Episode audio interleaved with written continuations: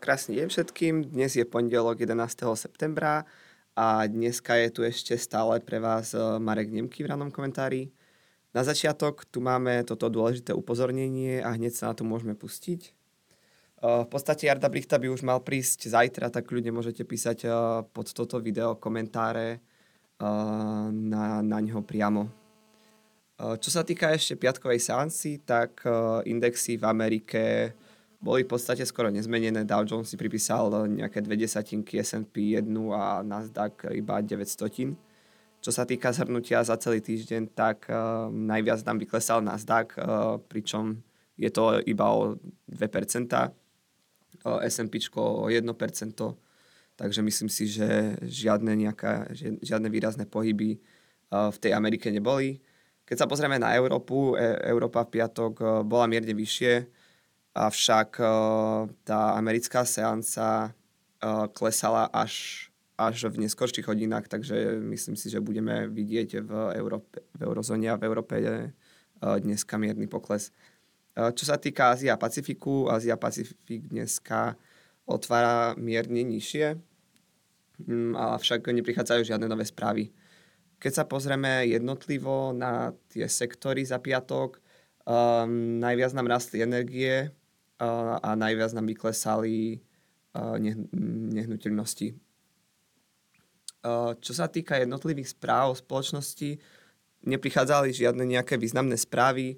Môžeme vidieť, že, že Microsoft nám výrazne rastol o 1,3%, um, Nvidia na druhej strane minus 1,45%, avšak žiadne výrazné pohyby tam neboli.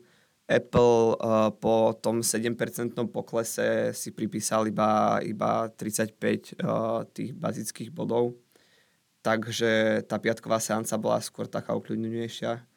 Uh, čo sa týka naj, najlepších spoločností, tak tým bol Paramount, ktorý si pripísal 5%, avšak nebola to reakcia na žiadne nejaké výrazné nové správy, ktoré, ktoré by mali prichádzať a medzi najhoršie spoločnosti hm, tak tu nie je nič také, nič také zaujímavé.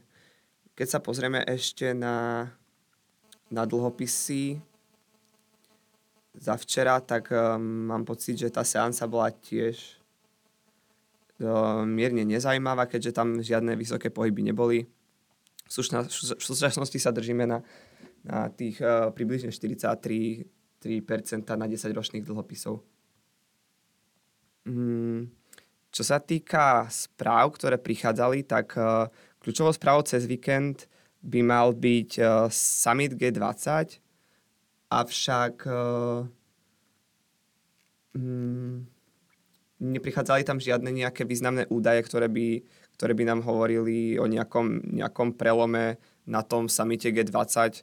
Uh, ja, čo som si poznačil, tak dosť často sa tam preberala hlavne opäť tá vojna na Ukrajine podpísali nejaký, nejakú deklaráciu o, o uh, udržiavaní tých, uh, tých hraníc a tak ďalej. Avšak, uh, že by nejako výrazne um, že by nejako výrazne odsudili tú vojnu, tak uh, to, to povedať nemôžeme. Uh, tú deklaráciu dokonca podpísalo aj, aj Rusko a Čína, pričom uh, Rusko už tú integráciu krajín narušuje, takže bolo to také trošku divné. Ale budíš, eh, inak eh, tá G20 bola celý víkend a ako som spomínal, mm, riešila sa tam potom ešte nejaká eh, energetická previazanosť krajín, hlavne čo sa týkalo obnoviteľných zdrojov, ale taktiež sa nejako špekuluje o, o prepojení sieť, elektrických sietí cez transatlantické káble. Um, čo sa týka ďalších výrazných správ, tak uh, ďalšia výrazná správa je o, um, o odboroch v Amerike, keďže um, v štvrtok končí odborárska zmluva pre, pre americké odbory automobilov a jedná sa hlavne o, o firmy ako je Stellantis, General Motors alebo Ford. Um, odborári tak požadujú as, m, približne 40-percentný naraz na plate za, za najbližšie 4 roky, na ktoré by tá zmluva mala byť. Ten kontrakt vyprší v štvrtok o polnoci.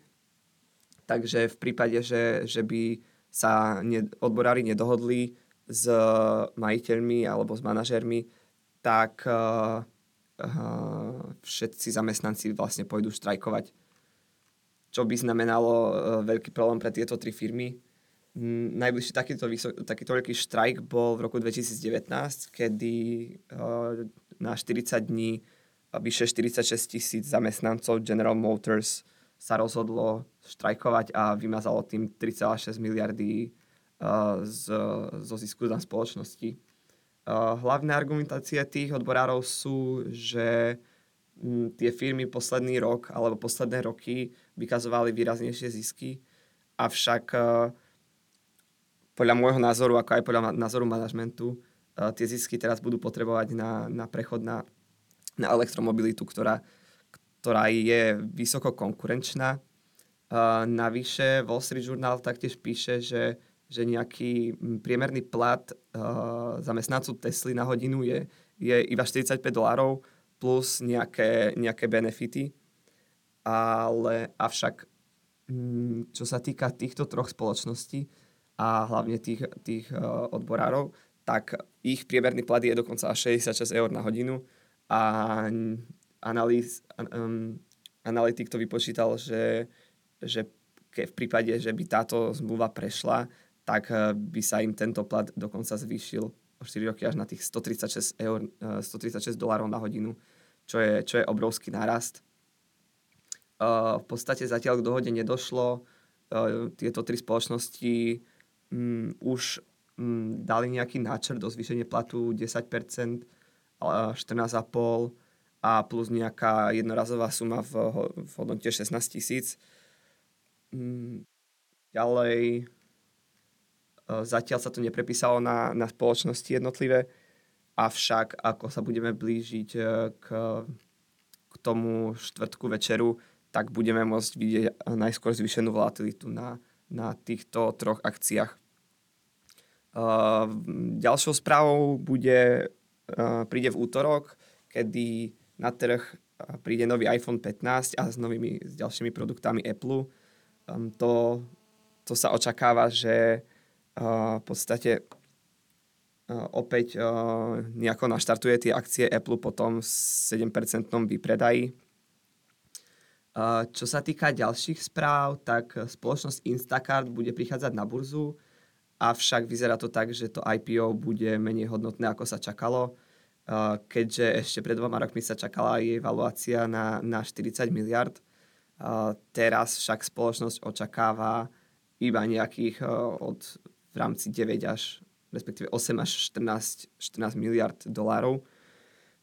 To značí o tom, že, že ten trh s IPO je ešte stále podstatne, podstatne chladný a mimo spoločnosti ARM, ktorá sa očakáva byť eh, hodnotená na 50 miliard, teda výrazne nad nejaké, nejaké násobky na zisku v rámci nejakých možností, nejakých rozumných 20, 20 uh, hodnotových čísel, tak, uh,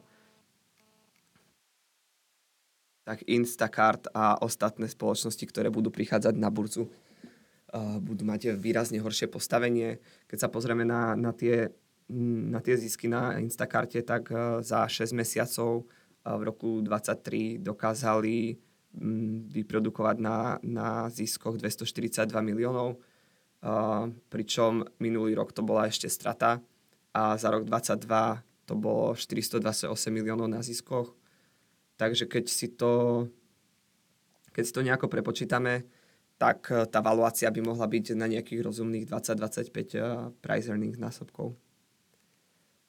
Čo tam máme ďalej, tak Meta podľa Wall Street Journalu príde na trh s novou umelou inteligenciou, ktorá by mala byť dokonca taká silná ako umelá inteligencia od OpenAI, a to konkrétne ChatGPT 4 Uh, vyzerá to tak, že, že Meta so, spolu so Zuckerbergom uh, si tú umelú inteligenciu celkom idú a tie investície do tej umelej inteligencie sa, sa vyplácajú.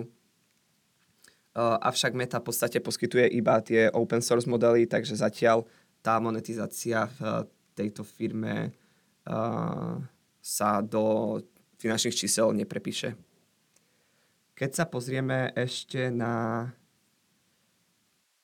mm, keď sa pozrieme na Forex za, za dneska a za včera, dneska výrazne klesá dolár, čo môžeme vidieť aj na dolarovom indexe. Piatok v podstate boli tam nejaké pohyby, avšak sme ho zatvorili uh, skoro nezmenenie.